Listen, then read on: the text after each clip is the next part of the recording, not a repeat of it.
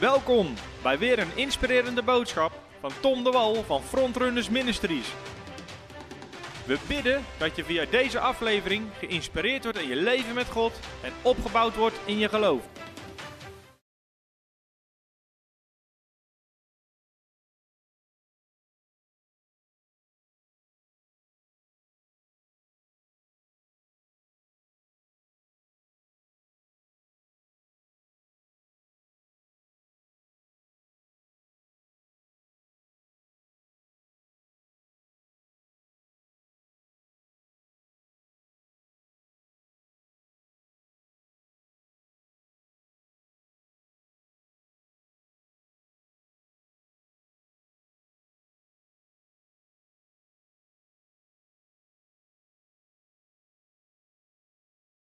Hallo allemaal en van harte welkom weer bij een nieuwe aflevering van Voice of Faith. We hebben een hele tijd lang de Faith School gedaan, hier op dinsdagavond in ons pand. Na de zomervakantie gaan we de Faith School ook weer verlengen. Daar kan je ook opnieuw voor inschrijven. We moeten nog even met wat informatie naar buiten komen. Maar uh, die hebben we 13 uitzendingen gedaan tijdens Voice of Faith. Waar we normaal vanuit onze studio lesgeven. Hebben we Faith School gedaan. En nu hebben we nog uh, deze keer en volgende week, voordat we echt even op zomervakantie gaan. We blijven iedere week wel uitzenden. Uh, maar deze week en misschien ook volgende week wil ik gebruiken voor QA's. Uh, om je vragen te beantwoorden. We krijgen letterlijk honderden vragen in onze infomail. Uh, via Instagram, via Facebook, onder YouTube-video's. Nou, zoals je zal begrijpen is het niet te doen om, om die vragen te beantwoorden. Als ik dat zou moeten doen, dan uh, zou ik letterlijk heel de dag niks anders doen dan vragen beantwoorden. En uh, we hebben meer te doen dan alleen dat, maar we vinden het belangrijk wel dat vragen beantwoord worden. En daarom wil ik ook in dit soort video's graag je vragen beantwoorden. Dus ik ga zo meteen uh, wel even kort bidden, gewoon voor wijsheid. En daarna gaan we je vragen beantwoorden. Dus stel je vragen gewoon in de reacties op YouTube, YouTube, op, uh, op YouTube of op Facebook. Uh, bij voorkeur op YouTube, dus als je op Facebook kijkt, het is makkelijker om ze op YouTube te stellen. Want dan blijven ze langer staan, is iets makkelijker met terugzoeken. Uh, mijn vader, we bidden voor wijsheid, inzicht vanuit de Heilige Geest om vragen te beantwoorden. Heer, dat we verder komen door de antwoorden die we vinden op de vragen die we hebben in het leven uit uw woord, Heer. Dank u, Heilige Geest, dat u openbaring geeft in Jezus' naam. Amen. Nou, misschien kijk je dit trouwens en heb je gebed nodig. Uh, onze gebedslijnen zijn open. Je kan bellen naar de gebedslijnen. Het nummer komt in beeld. Onze ministerteam zit er nu klaar om voor je te bidden. 085 488 23 23. En als we toch even een paar mededelingen aan het doen zijn. We hebben jullie gemist trouwens in deze setting. De Faith School was leuk, maar dit is ook altijd leuk. Um, van 8 tot 11 september hebben we de Greater Faith Conference. En we hebben een beperkt aantal plekken. Uh, waarschijnlijk is er weer een lange wachtrij. Maar we hebben vandaag pas de kaart geopend. Dus als je wil komen naar de Greater Faith Conference, ik zal spreken samen met Johan Toet. Uh, registreer je tickets, kan via de link op onze Instagram pagina of via onze website bij evenementen. Registreer je tickets, zorg dat je het niet mist. Het gaat echt weer een geweldige conferentie worden.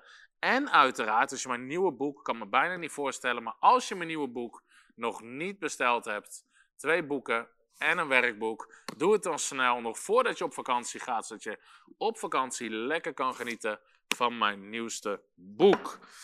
Oké, laten we maar eens beginnen met, uh, met vragen te beantwoorden. En ik ga beginnen even op, uh, op YouTube. Ik weet het niet, ik ga even kijken of ik ze goed zie ook op Facebook. Ja.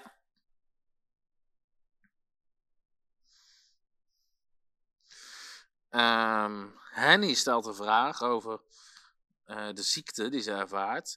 Henny, ik wil je ook van harte aanmoedigen om de Faith School te luisteren, want daar ga ik echt diep in op dit soort dingen. Uh, maar het is niet verkeerd ook gewoon om regelmatig hè, de ziekteverschijnselen te bestraffen en gewoon inderdaad in geloof te volharden. Maar op de Faith School ga ik ook dieper in op een stuk volharden in geloof en hoe dat werkt. Ik ga even terug via uh, YouTube naar de eerste vragen die ik heb zien binnenkomen. Um, Klaas-Jan vraagt: Wat is het verschil tussen iemand handen opleggen of iemand zalven? En Nou ja, in de Bijbel zie je gewoon dat wanneer genezing bediend wordt, dat de ene keer worden handen opgelegd en de andere keer wordt iemand ook met olie gezalfd. Lees je in Jacobus hoofdstuk 5 en Marcus hoofdstuk 6. Er zijn geen specifieke richtlijnen over wanneer je iemand zalft met olie en wanneer niet. Dus je kan het gewoon doen wanneer jij het ervaart. Het is ook niet zo dat de genezende kracht zit in de olie. De genezende kracht zit in, in, het, in het geloof en de kracht van de Heilige Geest die door je handen heen stroomt. De olie is puur een symboliek van de kracht en aanwezigheid van de Heilige Geest. Dus het is niet zo dat er extra kracht zit in wanneer je mensen met olie zalft of wanneer niet. Um, Heike vraagt: kan het voorkomen bij het opleggen, bij het handen opleggen, dat men van de ander demonen krijgt? Uh, nee, wanneer jij handen op iemand legt, stroomt de kracht van jou naar de ander toe. Wanneer anderen bij jou handen opleggen, stroomt de geestelijke kracht van hun naar jou toe. Dus je kan wel degelijk voorzichtig zijn wie je de handen, wie bij jou de handen op mag leggen. Maar wanneer jij handen op mensen legt, hoef je niet bang te zijn dat demonen overspringen naar jou toe. In Lucas 4, vers 40 onder andere lezen we dat Jezus demonen uitdreef en ook bij al die mensen handen oplegde. Iemand vraagt of we voor de kunnen bidden. Daarvoor hebben we de gebedslijnen. Daar bidden we met mensen. Ik zie mensen uit Maastricht reageren. Um, we zijn in Maastricht 3, 4 september uit mijn hoofd. Voor de genezingscampagne. Dus um, ik wil echt iedereen die een beetje in het zuiden van Nederland woont aanmoedigen. Kom naar de genezingscampagne in Maastricht. Neem mensen mee die ziek zijn, mensen die Jezus niet kennen. En ik geloof echt dat we een geweldig werk van God in Maastricht gaan zien. Jurian vraagt: Mijn oma overleed vorig jaar aan kanker. Sindsdien dank ik God dat ze uit de dood opgewekt wordt. Ik blijf geduldig volharden. Is dat volgens jou Gods wil? Nou, als ik eerlijk ben, geloof ik niet dat het, uh, uh, dat, dat de bedoeling is. de Bijbel, uh, we lezen in de verhalen van mensen die uit de dood worden opgewekt. Maar dat was altijd binnen een paar dagen, hooguit vier dagen. En niet nog na een jaar of wat dan ook. Dus de Bijbel leert ook, het gaat hier om je oma, dat mensen horen ook gewoon op een dag te sterven. En Um, dus zeker als het gaat om mensen uh, die op oudere leeftijd zijn, um, op een gegeven moment uh, is het leven hier op aarde klaar en leven mensen in de eeuwigheid door met God. Dus uh, wat dat betreft zou ik zeggen dat dat inderdaad niet de bedoeling is. Leuk om mensen uit België te horen. Lizzie vraagt: Hoe weet je of iemand bevrijding nodig heeft of alleen vernieuwing van denken? Hele goede vraag. Ik heb ook een, uh, op eh, YouTube een video in mijn uh, serie Demonie en Bevrijding. Hoe herken je demonen? Nou, iedere christen heeft vernieuwing van denken nodig. En vaak is het mijn ervaring dat het een combinatie is. Want zelfs als, stel je voor iemand heeft bevrijding nodig, maar dat komt, laat ik eens even een voorbeeld geven. Um, afwijzing. Afwijzing is een goed voorbeeld. Veel christenen, eh, überhaupt veel mensen, hebben last echt van een geest van afwijzing. Wanneer je afwijzing aanspreekt, ook tijdens bevrijdingsdiensten, zie je enorm veel demonen daarop reageren. Nou, aan de ene kant is dat dus een geest. Tegelijkertijd zal die persoon die daar bevrijding van ontvangt, zijn denken moeten vernieuwen in het feit dat hij een geliefd kind van God is, dat hij geliefd is, geaccepteerd is, um, al die dingen meer. Want als iemand zijn denken niet vernieuwt, blijft die deur gewoon openstaan. Dus heel vaak is het een samenwerking. Hoe weet je nou of je met demonen te maken hebt? Nou, soms geeft God je gewoon onderscheid van geesten, dat je weet. En vaak als iets echt in hardnekkige of extreme vormen voorkomt, weet je dat het iets demonisch is en niet slechts of niet alleen iets natuurlijks.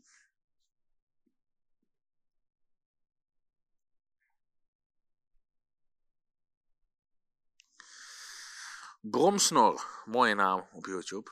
Bromsnor 10 stelt een vraag, hele goede vraag. Um, ik kan soms niet alle vragen in een paar zinnen beantwoorden, maar we hebben heel veel vragen. Alles waar ik vanavond niet aan toe kom, wil ik volgende week verder gaan met behandelen. Dus zorg dat je volgende week weer kijkt. Bromsnor 10 zegt het volgende. Um, ik ben aan het twijfelen door een Bijbeltekst. Ik weet, ziekte komt van de duivel goedheid van God. Nu lees ik in Handelingen 13, vers 11: De hand van de Heer zal u treffen.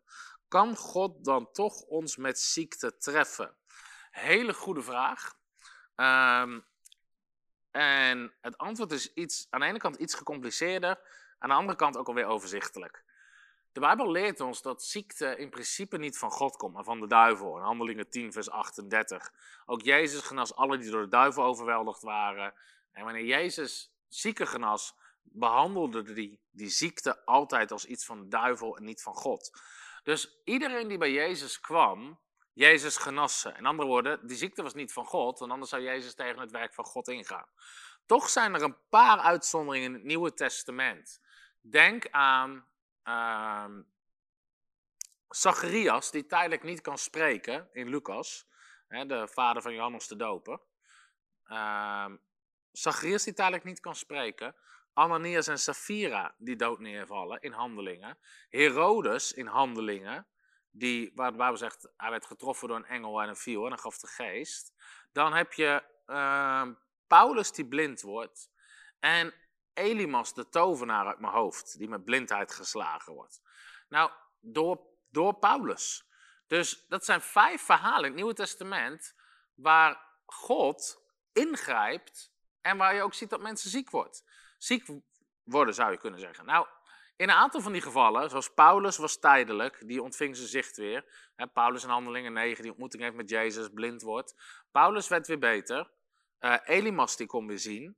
En um, ik noemde net nog iemand. Uh, Zacharias kon weer spreken. Dat waren tijdelijk. De andere, Ananias en Sapphira en Herodes, vielen dood neer.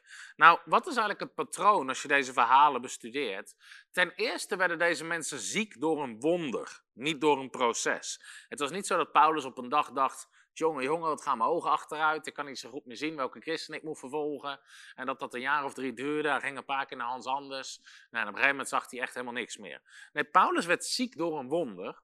Hij wist zeker dat het van God kwam. Ehm, en het had te maken met directe rebellie tegen God. En toen hij zich bekeerde, genast hij ook weer. En hetzelfde geldt voor Elimas de tovenaar. Hij werd ziek door een wonder. Ik weet niet of ik Elimas, of ik dat goed zeg in handelingen. Ik zou het op kunnen zoeken. Uh, maar in handelingen is een. Uh, ik wil het opzoeken, want ik wil het goed zeggen. Ik denk dat het handelingen 13 is. Uh,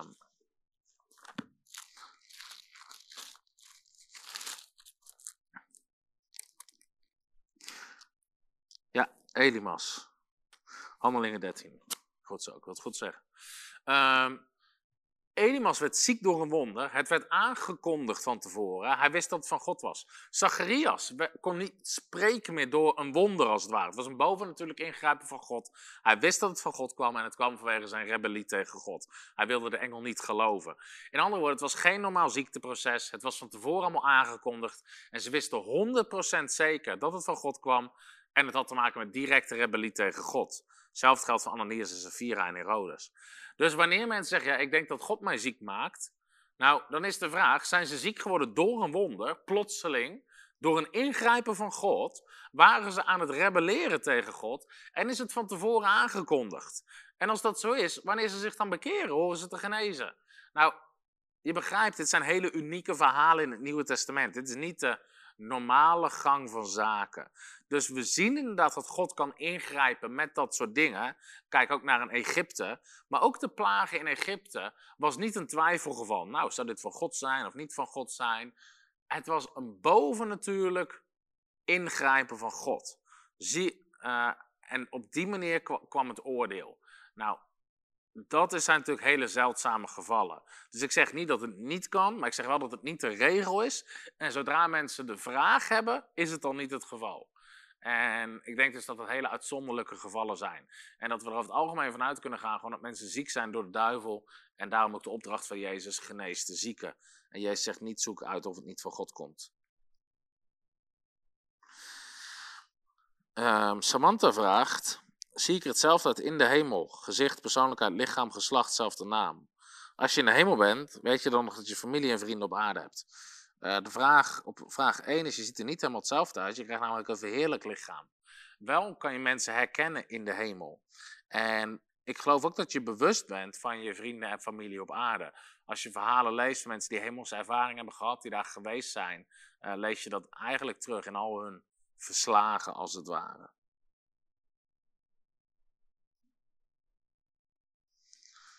Ja, The of Faith wordt denk ik live uitgezonden.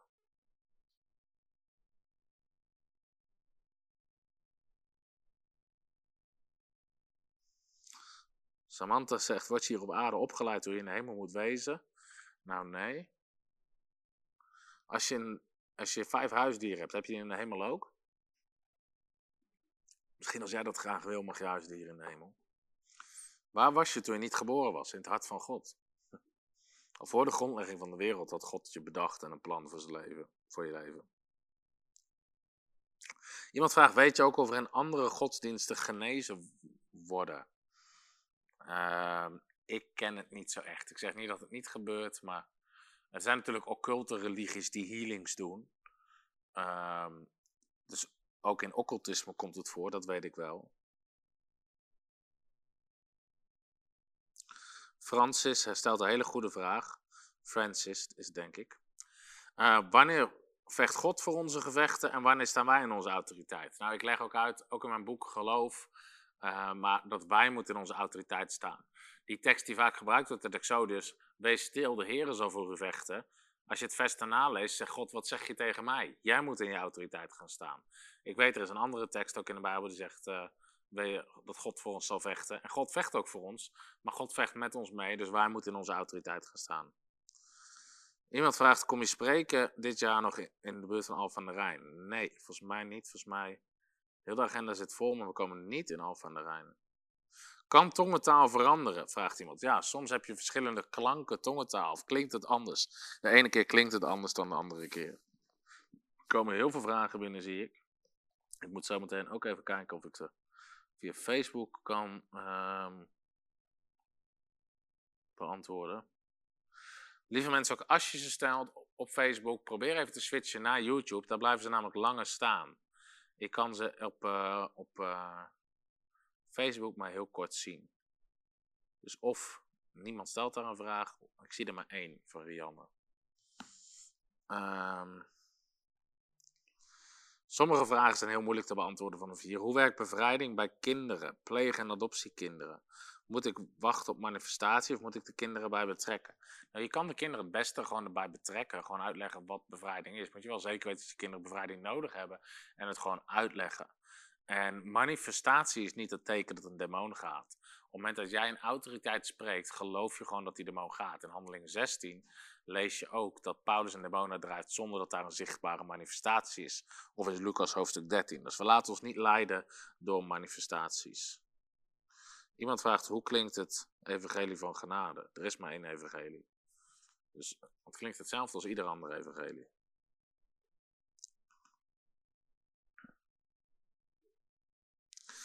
Hele goede vraag van Gis. Kan je alsjeblieft een teaching doen over verschillende namen en doelen van demonen? Zoals de Spirit of Jezebel, Python Spirit, dat soort dingen. Ga ik niet doen en ik zal je uitleggen waarom niet. Omdat ik er niet in geloof. Niet, zo, niet dat die geesten er niet per se zijn, wel denk ik dat het vaak veel te ingewikkeld wordt gemaakt met allerlei uh, Izebel, Python, uh, Leviathan, geesten. Ik zie dat niet terug in het woord van God. Ik zie Jezus dat niet doen. Ik zie Paulus dat niet doen. Ik zie de andere apostelen dat niet doen. Jezus zegt: drijf demonen uit, niet zoek demonen uit. Dus wat Jezus altijd deed, hij zei bijvoorbeeld: geest die doof en stom maakt, ga uit. Jezus zei gewoon geest en vervolgens noemde hij op wat die geest deed en zegt hij daarna: ga uit. Dus wanneer ik zie dat iemand last heeft van extreme angst, zeg gewoon geest van angst, ga uit. En dat is genoeg. En zonder dat we achter allerlei ingewikkelde dingen, want voor je het weet gaan mensen allerlei theologie baseren op wat demonen zeggen, uh, in plaats van uh, op het woord van God. Dus hou het simpel. Zeker met bevrijding, hou het simpel.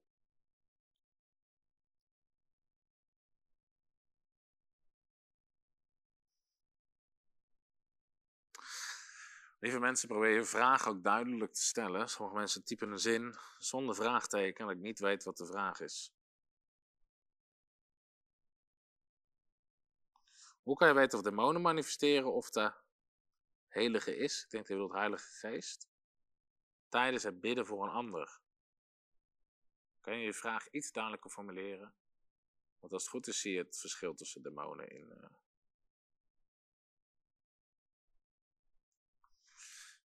SDDB stelt een goede vraag over 1 Korinthe 11. Daarom zijn er velen ziek en zwak uh, in het lichaam, omdat ze het lichaam van de Heer niet onderscheiden. De tekst kan je op verschillende manieren uitleggen. Daar zijn verschillende uitleggen voor. Um, één uitleg is dat het een oordeel is van God, maar dat is wel de zwakste uitleg. Want uiteindelijk zie je dat het aan die mensen ligt en niet aan God. En ehm, dus als je daar een goed boek over wil lezen, Wim Kok legt het heel goed uit. Of in zijn boek Jezus geneest, of in zijn boek Jezus geneest nu, in een van die twee boeken.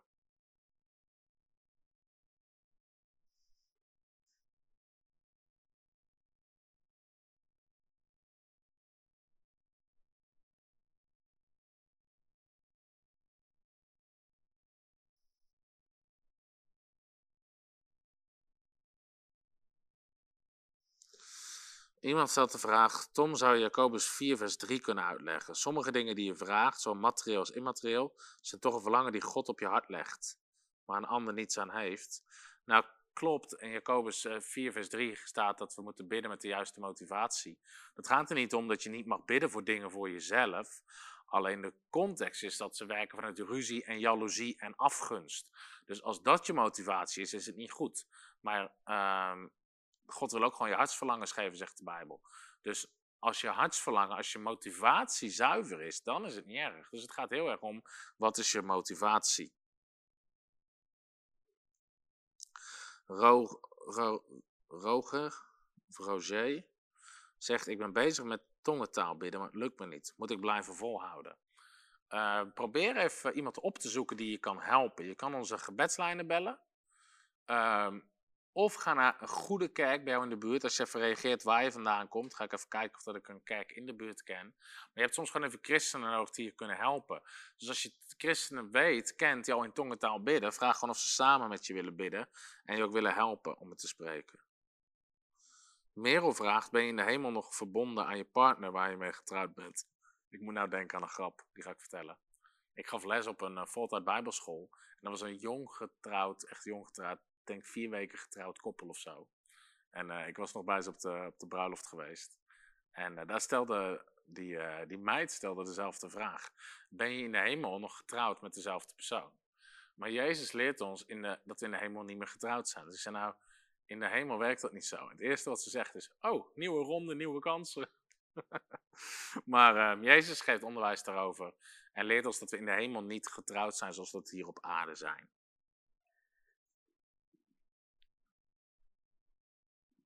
Bronsnoor vraagt met welke belofte sta hij op? Met allemaal. Rosalina vraagt Tom, wat is beter, tiende of partnerschap? Nou, kijk, je tiende zijn om lokale bedieningen of zo, bedieningen of lokale gemeentes te ondersteunen. En partnerschap kan hetzelfde, heeft hetzelfde doel, hè, is ook om bedieningen te ondersteunen. Dus je kan je tiende ook in de vorm van een partnerschap geven of wat dan ook. Dus het is niet, en je kan ook allebei doen. Het is niet per se het een of het ander, of het een en het ander.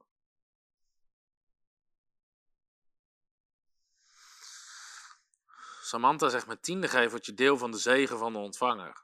Hoorde ik in de preek. Klopt dat? Ja, dat klopt. Je zaait ergens in, dus dan ga je ook het oogsten. Alleen zegen of ook vloek. Ik geloof niet dat je op die manier vloek kan ontvangen. Wel dat je zegen kan ontvangen. Iemand stelt een vraag over Romein hoofdstuk 9. Het gaat over een stuk uitverkiezing. Dat is best wel een lastige tekst die het niet 1, 2, 3 heel makkelijk even kunnen uitleggen. Moet je eigenlijk de hele context lezen van Romeinen 9, 10 en 11. Um, ehm, je moet zo'n tekst in de goede context lezen. Ik heb nu niet de tijd om helemaal doorheen te lopen. Eh, met te vele vragen. Maar dat zou je wel kunnen helpen. Iemand vraagt, heb je wel eens doden opgewekt? Uh, nee, is het antwoord heb ik zelf nog niet meegemaakt.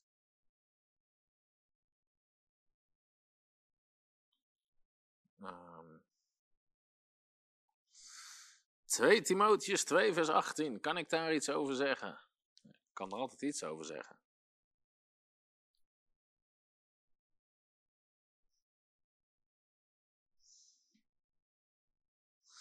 Ja. Oké. Vanaf vers 16. Ontwijk onheilige inhoudsloze praat, want zij die dat doen zullen steeds meer in goddeloosheid toenemen. En, hun, en hun woord zal zich uitzaaien als kanker. Onder hen bevinden zich Hymenaeus en Philetus. Zij zijn van de waarheid afgeweken door te beweren dat de opstanding reeds heeft plaatsgevonden. En breken het geloof van sommigen af. Wat wil je er precies over weten, Peter? Blijkbaar was dat iets wat speelde destijds, dat mensen riepen dat de opstanding al geweest was en Paulus wijst dat overduidelijk af. Dat is het antwoord dat ik kan geven, maar dat staat er en dat kan je zelf ook lezen. Dus ik ben benieuwd.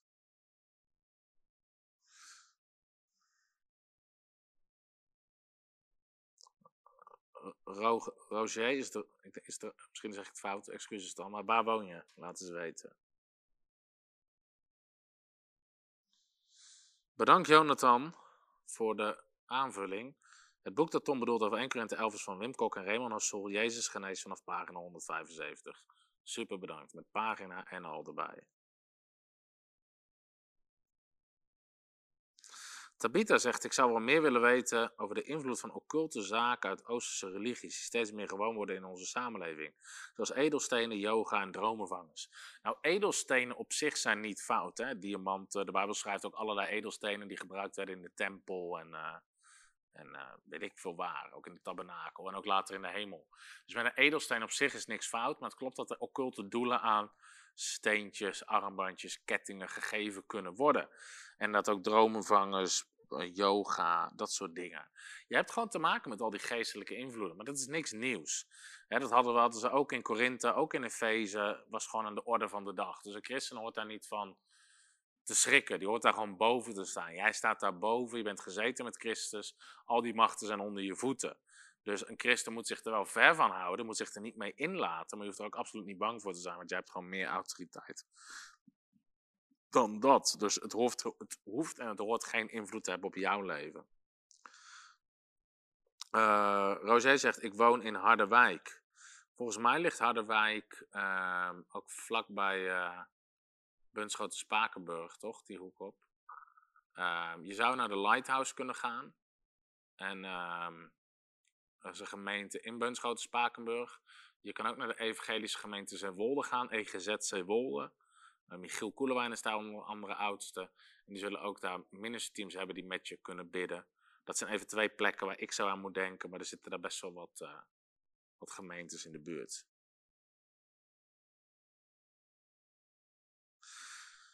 Chrisco zegt, hoe ga je om met mensen waarvan je weet dat ze gebed nodig hebben, bevrijding, maar deze persoon is zich er niet bewust van en vindt het ook prima. Nou, je kan niet mensen bevrijden tegen hun zin in. Dus je kan, natuurlijk kan je iets aanhalen en proberen uit te leggen. Als mensen niet willen, ja, dat is hun ding. Dan hebben ze blijkbaar de nood nog niet groot genoeg. ABC vraagt waarom is de Bijbelschool alleen gratis als je een abonnement neemt? Uh, onze fysieke Bijbelschool is gratis. Dus als je hier op maandagavond Bijbelschool komt volgen, dan is die gratis. Ook de Faith School is gratis. Als je hem online op afstand wil volgen, dat hebben we alleen toegankelijk voor mensen die partner zijn. Gewoon om onze partners ook te zegenen met de mogelijkheid tot een online bijbelschool. Als je echt niks wil geven en het helemaal gratis wil volgen, uh, kan je het hier op maandagavond volgen.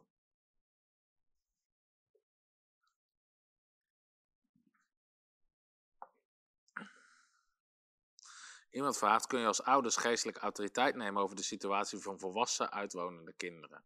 Nee, je kan voor ze bidden, ehm, maar uiteindelijk zijn zij verantwoordelijk voor hun eigen leven. Ze zijn volwassen en ze hebben daar hun eigen keuzes en eigen autoriteit in. Lydia van Ekenveld zegt, in welk bijbelgedeelte staat dat de discipelen anderen bekritiseerden, dat ze dingen deden die volgens hen alleen voor de discipelen van Jezus bedoeld waren? Dat is Lucas hoofdstuk 9 en hoofdstuk 10. Karim Ome, of Karim denk ik. Hè? Oh nee, Karin, sorry, Karin Ome. Over Job, hoe kunnen we het gesprek tussen God en Satan verstaan? Nou, over Job valt best wel veel te zeggen, maar uh, ik ga er op verschillende boeken ga ik daar wat dieper op in. Maar als je het Hebreeuws bestudeert, het lijkt in het Nederlands of God zegt tegen Job: heb je ook uh, acht geslagen op mijn dienaar Job. Lijkt alsof God Job naar voren schuift. In het Hebreeuws staat er, en dat staat er ook in de kantlijn, heeft het, staat er bij sommige bijvertalingen ook bij, dat God zegt, heb je je hart gezet op mijn dienaar Job. Dus God ziet al dat Satan zijn hart heeft gezet op Job. En dan zegt, uh, Satan natuurlijk, ja, hij dient u alleen maar omdat alles goed gaat. En dan zegt God, zie wat hij heeft is in uw hand. In andere woorden, Satan had autoriteit om ellende te veroorzaken op Adam, omdat Adam en Eva ongehoorzaam waren. En Job leefde voor het nieuwe verbond. Leefde niet onder Christus. Leefde, had geen autoriteit over de duivel. Had geen geestelijk inzicht in de geestelijke wereld, wat wij nu wel hebben. Job leefde zelfs niet onder de wet van Mozes. Dus Job roept het ook uit tussen een, voor een middelaar tussen hem en God. Dat was er nog niet in de tijd van Job. En daarom leven we onder een nieuw verbond met betere beloftes, wat dus onze situatie niet vergelijkbaar is met de situatie van Job. En je kan onze situatie ook niet meer plakken op de situatie van Job. Job wordt maar één keer aangehaald in het Nieuwe Testament, in Jacobus hoofdstuk 5, en dan verwijst het naar de goedheid van God. Dat God vol ontferming is en genadig is. Want God verdubbelde alles aan het eind van het leven van Job. Dus Satan neemt alles af van Job, maar Job uh, blijft God dienen, blijft God trouw en uiteindelijk verdubbelt God alles wat Job daarvoor had. Dus even een klein stukje context over dat gesprek.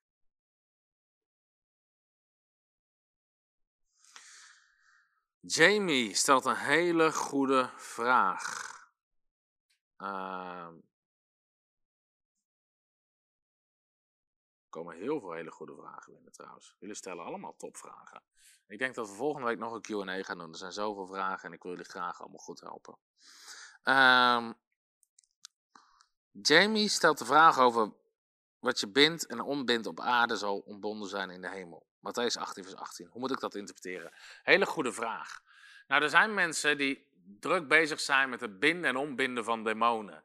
die zeggen overal, ik bind dit, ik bind dat, ik bind zus, ik bind zo. Ik geloof niet dat het dat betekent. En ik zal uitleggen waarom niet. Ten eerste, voordat je ergens een doctrine op kan bouwen. Een doctrine is iets wat we met vaste zekerheid kunnen geloven. Is het, ja, hij wordt nu in beeld gebracht. Van waar ik zeg u, alles wat u uh, op deze aarde bindt, zal in de hemel gebonden zijn. Alles wat u ontbindt, zal ontbonden zijn. Nou, um, doctrine, om ergens geloof op te bouwen, een zeker Bijbels fundament hebben, moet je eigenlijk drie teksten hebben die hetzelfde zouden zeggen. Dus laten we even het voorbeeld nemen van spreken in tongentaal. Als we maar één tekst zouden hebben in het hele Nieuwe Testament over tongentaal, dan is het best wel lastig om daar hele doctrines op te bouwen. Nou, we hebben er niet één, we hebben er heel veel over tongentaal. Hetzelfde geldt over genezing. En we hebben niet één tekst waar staat genees de zieken. We hebben wel 50 teksten in het Nieuwe Testament die spreken over genezing van ziekte. Dus daar kan je echt een doctrine op bouwen. Je hebt meerdere teksten die hetzelfde zeggen. Dus kan je echt zeggen, nou, dit wordt er bedoeld en zo moet je het toepassen. Met deze tekst over binden en ontbinden, wat is het probleem? Waar, of wat is het probleem? Ik zal het anders zeggen. Wat, waarom geloof ik niet dat het gaat over binden van demonen? Is omdat ik Jezus nergens zie doen. Ik zie het Paulus nergens doen. Ik zie het de apostelen nergens doen. Ik zie het andere discipelen nergens doen. Ik zie nergens dat dat voorbeeld gegeven wordt in het Nieuwe Testament. Paulus kwam ook op de meest demonische plekken. In Efeze, Korinthe, vol met afgodsbeelden, vol met tempels. In, eh, allemaal afgoderij, hoererij. En Paulus ging ook niet eerst naar de stad. Ik bind deze geest van hoererij in Jezus nou. Nee, Paulus predikt gewoon het evangelie. Als je de context leest, het binden en het onbinden, eigenlijk zegt Jezus, ik geef je de sleutels van het koninkrijk. Dat staat ook in die context, Matthäus 16 tot en met 18. En dat staat voor autoriteit. Ik geef je autoriteit. En dan zegt Jezus, wat je bindt op aarde zal gebonden zijn in de hemel. Wat je ontbindt zal ontbonden zijn. In andere woorden, Jezus zegt, wat jij toestaat, eigenlijk zegt Jezus, ik geef jullie gezag op aarde namens de hemel. Waarom? Wij zijn het lichaam van Christus. Hij is het hoofd in de hemel, wij zijn het lichaam. Wat wij toestaan op aarde, zal toegestaan zijn. Wat wij niet toestaan, zal niet toegestaan zijn. Dus de kerk moet in zijn gezag gaan staan. En wij hebben gezag gekregen om dat uit te oefenen. En dat is waar het over spreekt. Ook in de context van de gemeente, gezag uitoefenen. Uh, daar spreekt het over. En niet zozeer over het binden of onbinden van demonen.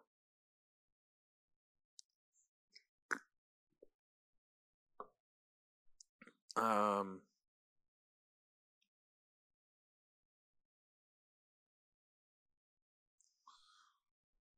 Piet van Loon stelt een hele goede vraag. Is het verstandig om me uit te spreken tegen het zondaarsgebed? De waterdoop moet hersteld worden als een bijbelse middel voor het ontvangen van de wedergeboorte, maar ik wil geen verdeeldheid brengen. Nou, Piet, ten eerste is het heel mooi om te merken dat je wijsheid zoekt. Het is ook mooi ehm, om te horen de openbaring die je hebt over de waterdoop. Hè. Ik heb ook een boekje, kan je gratis bestellen, de kracht van de waterdoop. Waar ik ook echt laat zien wat de doop doet.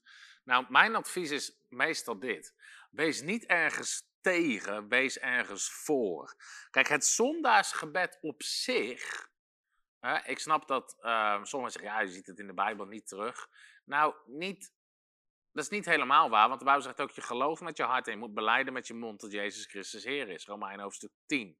Dus iets geloven met je hart en vervolgens beleiden met je mond, Jezus als Heer beleiden over je leven, zie je wel degelijk terug in de Bijbel. En de praktijk leert ook dat, mensen, dat bij mensen echt wel iets kan veranderen op het moment dat dat doen.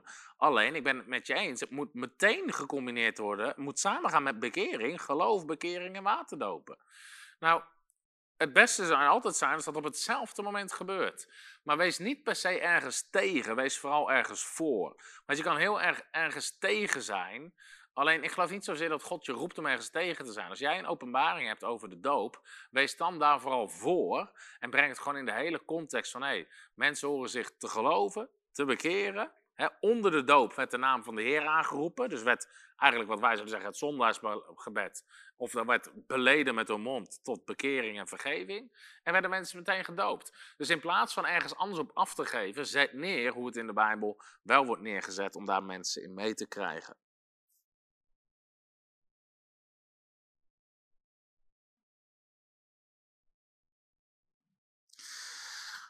De opstanding zou al geweest moeten zijn. Het kan niet over Christus' opstanding gaan. Welke opstanding gaat het hier om? Ik vermoed dat het gaat om de opstanding van de doden. Uh, die Paulus verwachtte, waar hij ook over spreekt in 1 Korinthe 15. Dus ik denk dat, dat hij daarover heeft, waarvan mensen zeiden dat, dat dat al geweest zou zijn. Dat vermoed ik.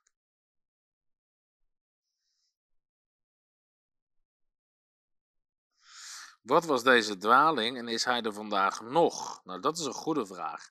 Kijk, hetzelfde geldt natuurlijk, hè, sommige mensen weten op het gebied van eindtijd heb je verschillende stromingen als het ware, verschillende visies, net als bijna elk onderwerp.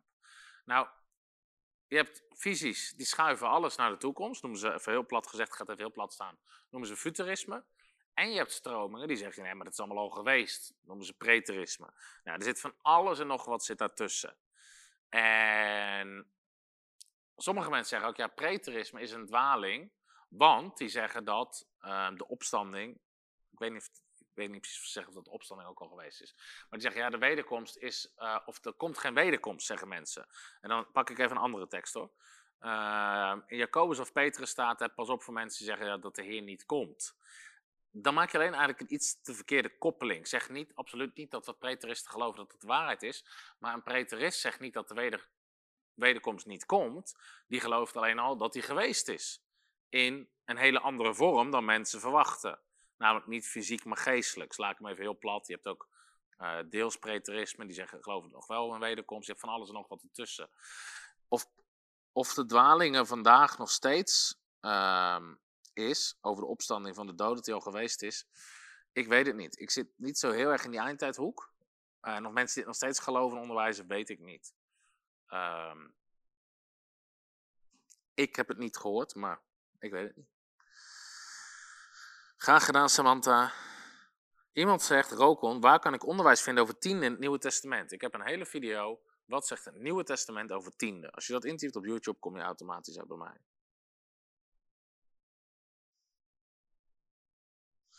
Daphne Clip zegt, heb je tips over hoe je volledig vrij kan komen van gedachten, gevoelens of geestelijke aanvallen nadat je bent bevrijd?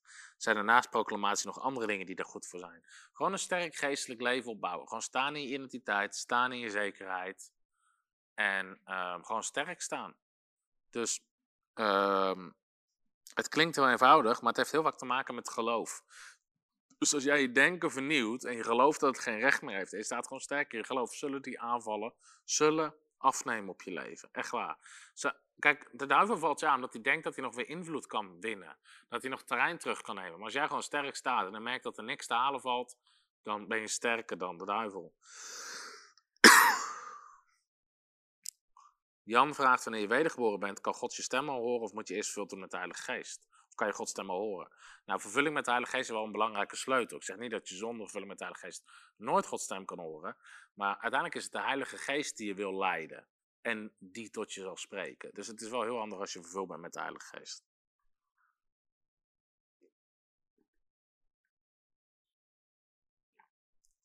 Jaap Jan Aardappel stelt een vraag. Ik heb geloof voor genezing van de moeder van de klasgenoot van mijn zoon. Ze is ziek. Nu, heb ik verder, nu hebben zij verder niks met geloof. Hoe ga ik hiermee om en wat is wijs om te doen? Nou, soms kan je gewoon. Kijk, of jij moet toestemming krijgen. Ze moeten voor openstaan dat je handen op te legt en, en de geneest via handoplegging en de kracht van de Heilige Geest. Uh, want je hebt altijd die toestemming nodig. Mensen moeten ermee instemmen. Dus je kan gewoon het evangelie met ze delen. Of je kan gewoon vragen van, joh, vind je het goed dat ik handen op je leg voor genezing? Dit is wat de Bijbel zegt. Ik geloof dat God dit wil doen. En dan doe je dat. Maar je hebt wel een open deur nodig. Je hebt wel een kans nodig. Je hebt een gelegenheid nodig. Aline vraagt, hoe weet je of je de Heilige Geest hebt als je niet bekend bent met tongentaal? Nou, het Bijbelse teken van vervulling met de Heilige Geest is het spreken in tongentaal. Dus ik heb ook een boek, 50 redenen om te spreken in tongentaal. Ga ik uh, dieper in op tongentaal, laat ik ook zien dat iedere keer in de Bijbel, wanneer mensen vervuld werden met de Heilige Geest, konden ze spreken in tongentaal. Dus tongentaal is wel de mooiste manier. Natuurlijk kan je vervuld zijn met de Geest zonder dat je spreekt in tongentaal. Uh, maar tongentaal is wel een, een, mooie bijbelse manier. Dus ik zou vooral zeggen, zorg dat mensen bekend raken met tongentaal.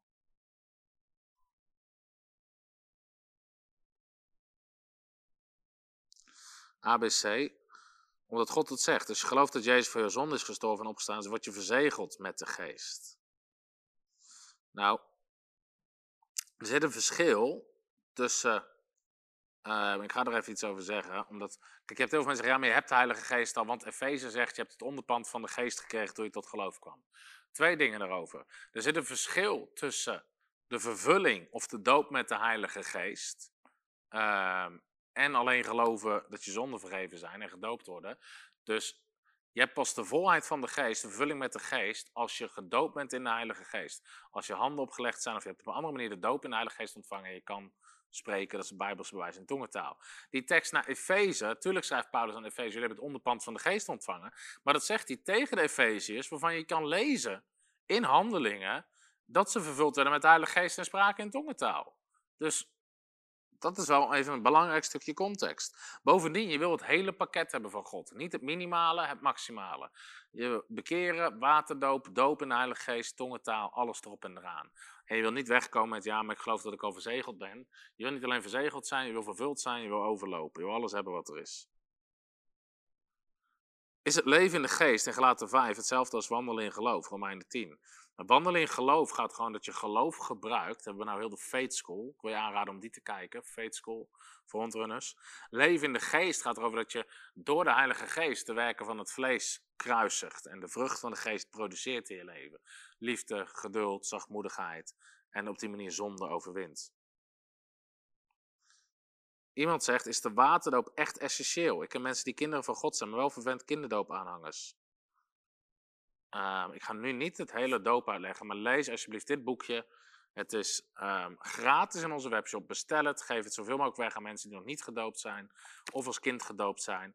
Het tweede deel van het boekje ga ik puur in op wat zegt de Bijbel over kinderdoop en beleidenis ten opzichte van geloofsdoop of volwassen doop. En het eerste deel van het boekje leg ik uit wat de doop doet. En laat ik zien hoe belangrijk de doop is. En dat is echt iets wat veel mensen onderschatten. Leest, laatst werd ik nog gebeld door een voorganger. En die zei heel mijn leven lang. En er was een voorganger die predikte over de doop, doopcursussen gaf. Maar hij zegt: Altijd wist ik, ik mis iets. Er is iets wat ik niet pak. Hij zei: Maar kon het niet onder woorden brengen. En ze hadden weer een doopdienst, een doop, dopelingen. En hij was aan het bidden. En toen moest hij aan mijn boekje denken. En toen bestelde hij mijn boekje, of hij pakte mijn boekje, begon te lezen. En hij zei: Toen pas, zei hij, snapte ik de waterdoop echt. Toen pas viel het kwartje. En toen pas snapte ik in de geest en ik, wat gebeurt er als iemand gedoopt wordt. En dat, die reactie krijg ik heel vaak terug. Dus ook van voorgangers die al jarenlang voorganger zijn. Doopcursussen geven. Te zeggen, zodra we dit boekje lezen, snappen we echt wat de doop is. Dus ik wil je gewoon aanmoedigen om dat boekje te lezen.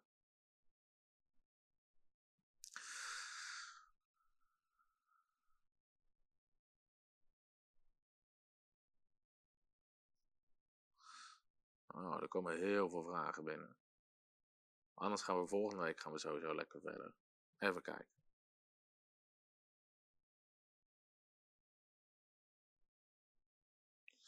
Rachel vraagt, hoe kan ik het beste bidden voor mijn nog niet gelovige man? Bid gewoon dat hij Jezus leert kennen. Bid dat hij openbaring krijgt. Bid dat het evangelie in zijn hart gezaaid wordt. Uh, bid ook voor open deuren om het evangelie te delen. Bid dat zijn hart zacht wordt. En bid inderdaad ook gewoon dat jij een getuige zal zijn. En vaak je huwelijk getuige is tegen een prediker niet de beste manier. Dat zorgt vaak voor meer strijd dan dat zorgt voor eenheid. Dus dien gewoon je man en, eh, en wees liefdevol, genadig en zorg dat hij Jezus door jou heen ziet, door jou ervaart. En juist zoek kans om te getuigen van God. Niet per se door woorden, maar door dingen die gebeuren in je leven. Hè? Dat je weet, wacht, als jij bidt voor iets, gebeurt het. Um, dat als je, weet ik, ik weet niet of je kinderen hebt, maar als je kinderen hebt en ze zijn ziek en jij bidt dat ze genezen. Dat hij dat soort dingen, dat hij echt de werken van God ook in je leven gaat zien. Um, dus blijf gewoon bidden, ook voor harde in geloof. En wandel gewoon in wijsheid en liefde naar hem.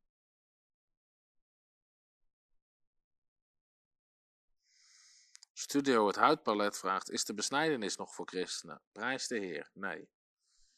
Dat is Oude Testament. en dat staat heel duidelijk ook in handelingen. En dat, dat is sowieso niet voor de heidenen, uh, voor de heidense christenen.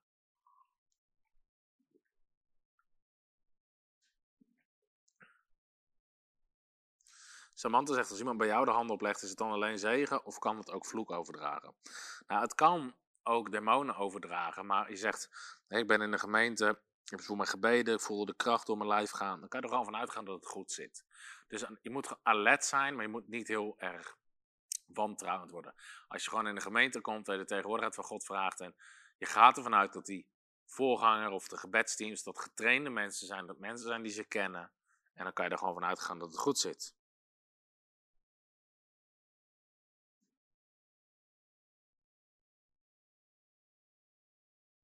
Iemand stelt de vraag: wat als je merkt dat ongeloof komt? Hoe zorg je dat het niet binnenkomt? Ik heb ook een aflevering van de Faith School. Afrekenen met ongeloof en twijfel. Daar ga ik er diep op in. Uh, Gracie vraagt: Is er een kerk in Maastricht waar ik heen kan gaan? Er zijn een paar kerken daar in de buurt die ik ken. Uh, eentje is en ken, ik bedoel van naam, niet dat ik ze heel goed ken. Eén is Nieuw Leven Maastricht. Uh, die zou ook eens bij de Abbey kunnen kijken. Verzoek op de Abbey Maastricht.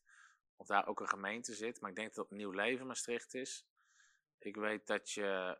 Ja, dat is niet Maastricht. Uh, er, zullen misschien, er zullen er misschien wel meer zijn. Uh, maar Nieuw Leven ken ik sowieso die daar zit. En je hebt. Ehm, ja, dat is niet Maastricht volgens mij. Als misschien andere mensen in de een goede kerk daar kennen, kan je even in de reacties reageren.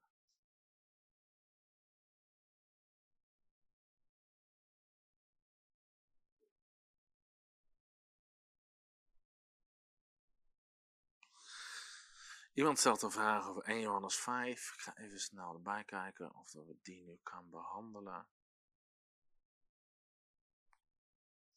Ik weet niet waar jullie zitten, maar hier in deze zaal is het loeiheet.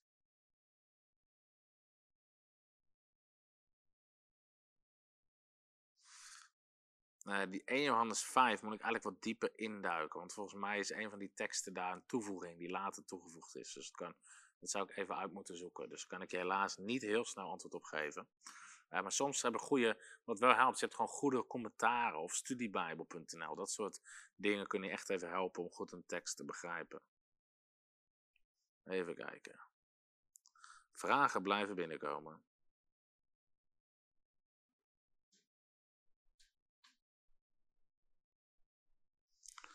Iemand vraagt, als iemand door zijn ernstige handicap zijn geloof in God is kwijtgeraakt, kan je hem dan toch de hand opleggen?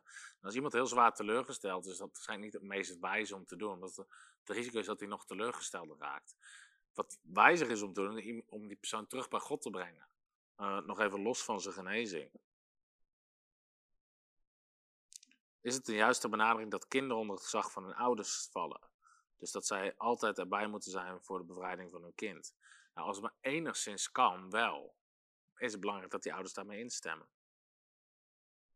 Het hoeft niet altijd, maar als het enigszins kan, vraag ik het wel. Rokon vraagt, moeten we ons aan de Sabbat houden? Nee, dat is mijn overtuiging van niet. Het is wijs om je aan de rustdag, het principe van de rustdag zie je door heel de Bijbel heen. Zes dagen zul je arbeiden, één dag zul je rusten. God rustte van zijn werk op de zevende dag. Dus het principe van de rustdag. Maar de Sabbat, uh, leert de Bijbel ons, was een teken van Jezus. Dat we door Jezus de rust ingaan van de wet. En Jezus uh, is in die zin onze Sabbat, is onze rustdag. Hebreeën hoofdstuk 4. Wij die tot geloof gekomen zijn, gaan de rust binnen geneest je emotionele pijn ook door geloof. Nou, het is belangrijk om te geloven dat God je ervan wil genezen. Maar emotionele pijn geneest. Uh, het is niet verstandig om gewoon je ziel, je emotie op dat gebied te overschreeuwen met geloof. Maar het is ook belangrijk dat je ziel soms een stuk genezing ontvangt. Door de liefde van God, door het vertrouwen van mensen. Maar ook, door het woord van God daarover te ontvangen. Wat zegt God hier nou over? En dat moet je wel accepteren in geloof. En niet alleen op gevoel. Rianne vraagt over het onderwerp preterisme. Ken je de schrijver Jonathan Welton en dan vooral het boek Opname op Aanname? Ik ken het boek, ken ik. Ik ken de schrijver, zijn naam ken ik. Ik heb niet de inhoud exact voor ogen, maar ik, ken, ik heb wel van het boek gehoord.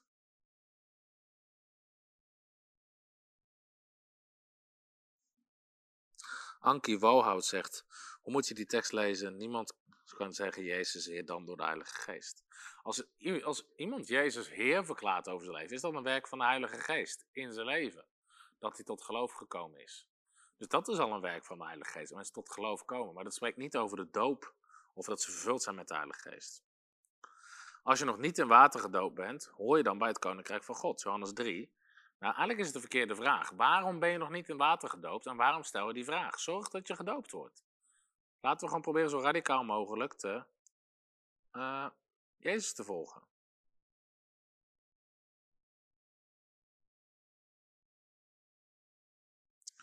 Hoe ga je in autoriteit staan die je hebt gekregen na de doop en de geest? Anouk, ik snap je vraag niet helemaal, dus probeer iets duidelijker te stellen.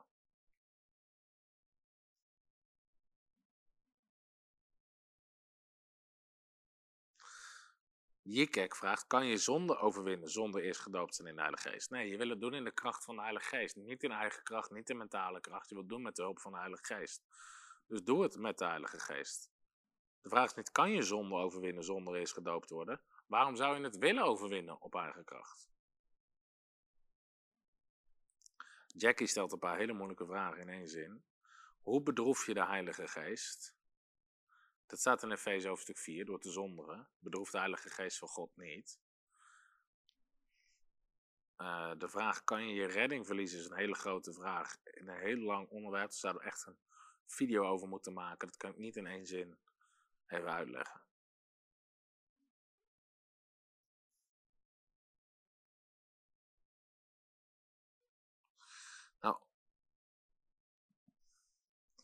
Rachel zegt, wat als hij momenteel ook best wel tegen dingen is? Dat is lastig. Daar moet je gewoon voor hem bidden. En ook de tijd gunnen. En gewoon bidden dat God zijn hart weer opent. En dat er dingen gebeuren waardoor hij ook weer open gaat staan ervoor. Kijk, als hij zegt door dingen die gebeurd zijn. Um, was hij dan eerst wel christen of nu niet? Of wat is precies. Ik snap, je hoeft ook niet de context te weten.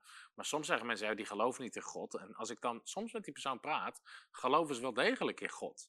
Ze hebben alleen een heel verkeerd beeld van God. Of ze zijn heel teleurgesteld in mensen. Ik heb ook al tegen iemand gezegd, joh, ja, ik, geloof, ik geloof niet in God. En die begon allemaal verhalen met dat hij teleurgesteld was in die persoon en die persoon. En zei, ja, ik zei, nou, het heeft niks te maken. Je gelooft wel in God. Je bent teleurgesteld in mensen en door dingen die gebeurd zijn. Maar dan moet je even helemaal loskoppelen van je geloof in God. God bestaat, überhaupt, of jij nou gelooft of niet. En ik geloof dat je weet dat hij bestaat. En dan zie je vaak dat mensen ermee instemmen. Dus soms is het gewoon goed ook om te weten, ja, wat is er precies aan de hand?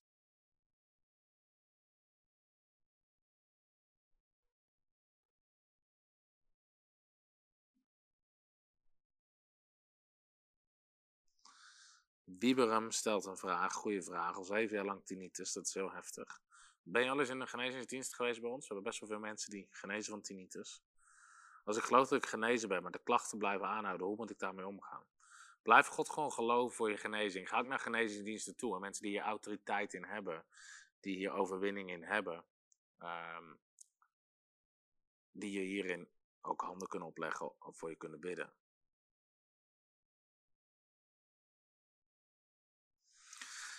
Chrisco vraagt, wanneer je bidt voor iemand en die persoon geneest niet, wat raad je aan om met zo'n persoon te doen? Zodat zijn geloof in genezing niet beschadigt. Hele goede vraag. En ik wil zo wel gaan afronden, want we zijn al bijna een uur bezig. Er zijn nog heel veel vragen, dus ik ga lekker. Ja, ik zie uh, Wim Honnebach reageert met presence. Leuk Wim. Geweldig trouwens ook wat presence doet. Prijs God voor presence in Nederland. Uh,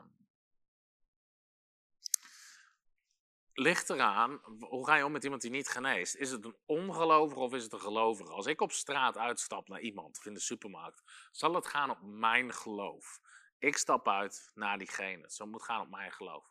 Als er dan niks gebeurt, kijk, ik leer mensen vaak gewoon om heel laagdrempelig te zeggen. Uh, ten eerste, hou me op de hoogte. Want ik heb zo vaak meegemaakt dat de dag daarna in één alles weg is of wat dan ook. En ten tweede kan ik gewoon zeggen, joh, ik ben christen, ik ben aan het uitstappen of ben aan het oefenen in deze dingen. Weet je, hou je het voor jezelf ook laagdrempelig. Um, en waar kunnen mensen dat waarderen? En kan je ook gewoon zeggen, heel bedankt dat ik voor je mag bidden, zonder dat je heel hoog die spanning houdt. Als het gaat om, om christenen, um, heel vaak verwijs ik gewoon naar mijn boek Jezus aanraken of naar de Healing School, dat ze zelf geloof gaan bouwen voor hun genezing en de beter gaan pakken.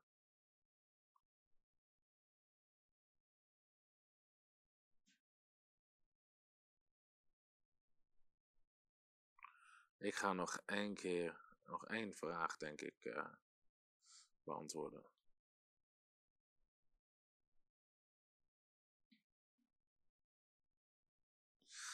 Sylvie en Pauli vraagt, ken je een kerk in Groningen? Ja, die kennen we zeker. Je kan naar de Vredekerk gaan in Hoge Zand. Uh, Destiny Church zit ook in Groningen. Er zijn twee gemeentes waar we ook regelmatig komen. En uh, wat ook prachtige kerken zijn.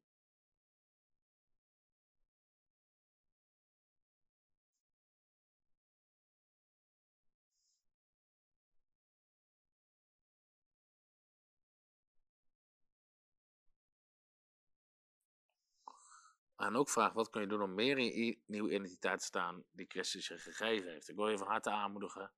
Lees mijn boek Supermens over je identiteit. En daar ga ik ook in over de gaven van de geest en hoe dat tot uiting komt. En hoe je steeds meer dit tot uiting kan brengen in je leven. Nou, ik zie nog een hele hoop vragen. Ik wil eigenlijk volgende week verder gaan. Dat het 9 uur is. Het is hier nog steeds 40 graden. We hebben een hele hoop vragen beantwoord. Ehm, ook sorry mensen die op Facebook hebben gezeten. Uh, Facebook is lastig, omdat ik zou houd de vragen maar heel even vast. Dus laten we proberen volgende week ook vooral via ehm, YouTube te stellen. Ik bid in ieder geval dat je gezegend bent door deze Q&A tot nu toe. Volgende week gaan we verder. Ik denk dat er nog wel 20, 30 vragen zijn. Ook die mensen vooraf hadden ingestuurd waar we nog niet aan toe zijn gekomen. Nou, ik wil in ieder geval God zegen wensen. Misschien je al op vakantie, heel veel zegen. Ben je nou gezegend door Frontrunners? Misschien door onze gratis boeken. Dit jaar gaan we over de 500.000 boeken heen. Alleen Nederlandstalig. We zijn ze ook aan het uh, vertalen Duitsstalig en Engelstalig door onze boeken, bijbelscholen, dit soort video's, de Faith School. En je wil ons helpen om meer mensen te bereiken. Wil ik je van harte uitnodigen om partner te worden als je dat nog niet bent. We staan dit jaar in geloof voor een verdubbeling van het aantal partners. We geloven ook dat dit het jaar is van verdubbeling, 2022. We staan in geloof voor dubbel zoveel partners over het gebouw van ons nieuwe pand. Waar we in geloof staan voor financiën. Uh, we, hebben, zijn ook weer best wel wat mensen aan het aannemen. Uh, op kantoren met ons mee te werken willen nog meer boeken drukken. Dus gewoon zegt, hey, ik wil meebouwen wat God aan het doen is. En je bent nog geen partner, word partner van Verontrun. Bouw mee met een bedrag per maand waarvoor jij kiest om mee te bouwen. Misschien 20, 50, 100 euro per maand. Of zaai je gift ook voor ons nieuwe gebouw. Maar als je nog geen partner bent, we geloven God voor verdubbeling van partners. Help ons mee om meer mensen te bereiken in Nederland. Het woord van God te verspreiden in Nederland. En ik geloof dat we gewoon een machtig werk van God gaan zien in ons land. Dus als je nog geen partner bent, wil ik van harte uitnodigen om partner te worden. En ik wil je verder gewoon bedanken voor het kijken van deze uitzending. Volgende week zijn we er weer, weer om 8 uur. Gaan we verder met de Q&A. Bewaar al je vragen, onthoud al je vragen. Schrijf ze op. Volgende week gaan we verder met deel 2. God zegen en tot de volgende keer. Hallo, Tom de Wol hier en bedankt dat je weer geluisterd hebt naar onze podcast. Ik bid dat het je geloof gebouwd heeft en je bemoedigd bent. Als je niet alleen een luisteraar van onze boodschap wil zijn, maar ook een verspreider daarvan, wil ik je uitnodigen om partner te worden van Frontrunners. Door jouw maandelijkse donatie help je ons om dit evangelie van Jezus Christus en het woord van God over heel de aarde te brengen. Om partner te worden, ga naar www.frontrunnersministries.nl slash partners en word partner. Hartelijk bedankt en tot snel. Heb je ook zo genoten van deze inspirerende boodschap van Tom de Wal? Abonneer je dan op deze podcast. Volg ons op Facebook en op Instagram en kijk op onze website frontrunnersministries.nl.